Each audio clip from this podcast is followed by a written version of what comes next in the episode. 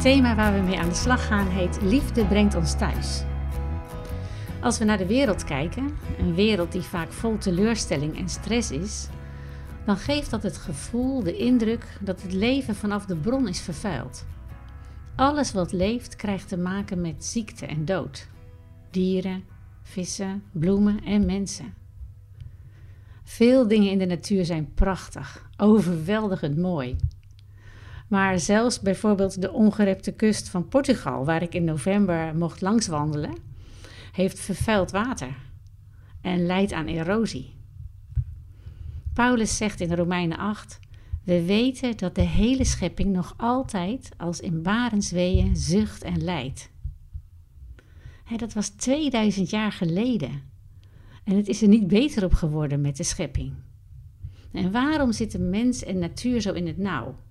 Nou, het antwoord lezen we in Genesis 3. Het is natuurlijk het bekende verhaal dat Adam en Eva door God uit de tuin van Eden zijn weggejaagd, staat er letterlijk.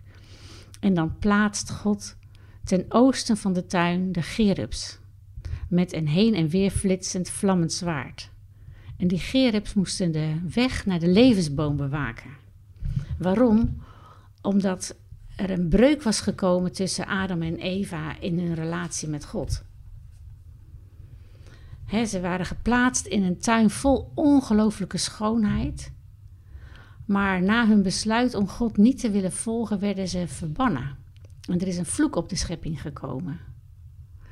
Maar het goede nieuws is dat hoewel God hun heeft weggestuurd, hij, hun niet heeft verlaten.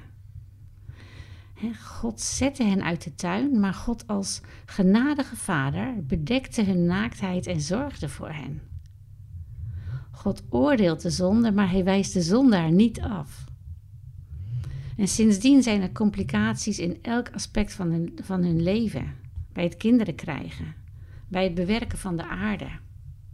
En dat was niet om hen af te straffen, maar om hen te laten zien dat ze alleen effectief kunnen leven als ze weer volgens het oorspronkelijke ontwerp leven, namelijk in afhankelijk vertrouwen van God. En dat geldt ook voor jou en mij. Heer, het lijkt zo lang geleden, het verhaal van de zondeval. En soms is het zo moeilijk om te bedenken dat die gevolgen zo catastrofaal zijn geweest, dat wij daar nog elke dag op zo'n intense manier last van hebben.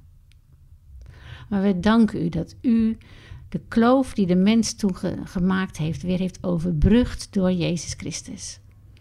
En dat we opnieuw in afhankelijk vertrouwen van u mogen leven. Heer, trek ons terug naar uw hart, dat zo te vertrouwen is, meer dan ik mezelf vertrouw. Amen.